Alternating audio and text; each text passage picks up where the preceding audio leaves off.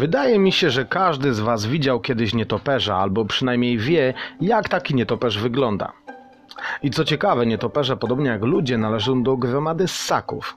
Jest też to gatunek, który niekiedy żyje bardzo blisko człowieka i jest dla nas bardzo pożyteczny. Spytacie pewnie, po co nam nietoperze? Na pewno wielu z Was słyszało opowieści o nietoperzach wpadających człowiekowi we włosy i wplątujących się w nie. Albo o nietoperzach, które piją krew. Czy tak jest faktycznie? Już tłumaczę. Nietoperze nie wplątują się we włosy. Zdarza się, że nietoperz polując na tłuściutkiego owada przeleci koło naszej głowy, e, ale dzięki swoim niezwykłym umiejętnościom e, zrobi wszystko, by na nas nie wpaść. Oczywiście, jeśli znajdziemy nietoperza, nie dotykamy go gołymi rękami i najlepiej pozostawić go w spokoju. Ale nie o tym miałem mówić.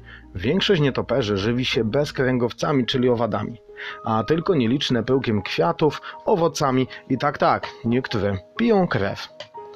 Ale nie ma to nic wspólnego z wampirami.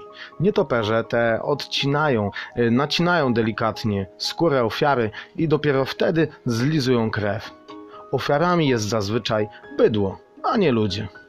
W naszym klimacie nietoperze polując na owady, e, w tym oczywiście komary, sprawiają, że jest ich mniej. Nikt z nas nie lubi być pokąsany przez komary, więc w tym temacie możemy podziękować naszym sprzymierzeńcom, nietoperzom i przybić im piątkę. Piona.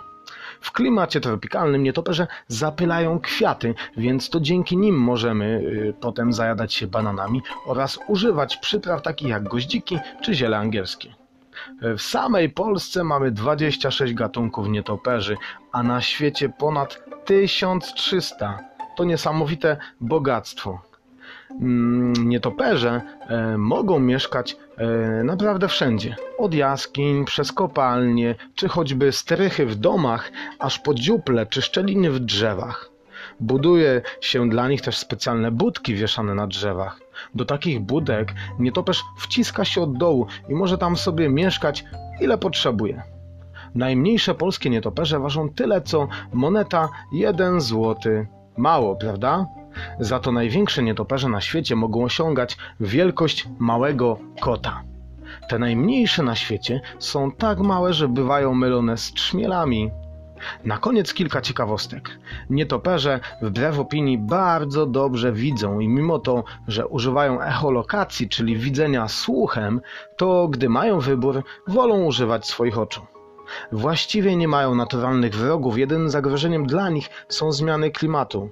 Dlatego musimy bardzo dbać o nasz świat.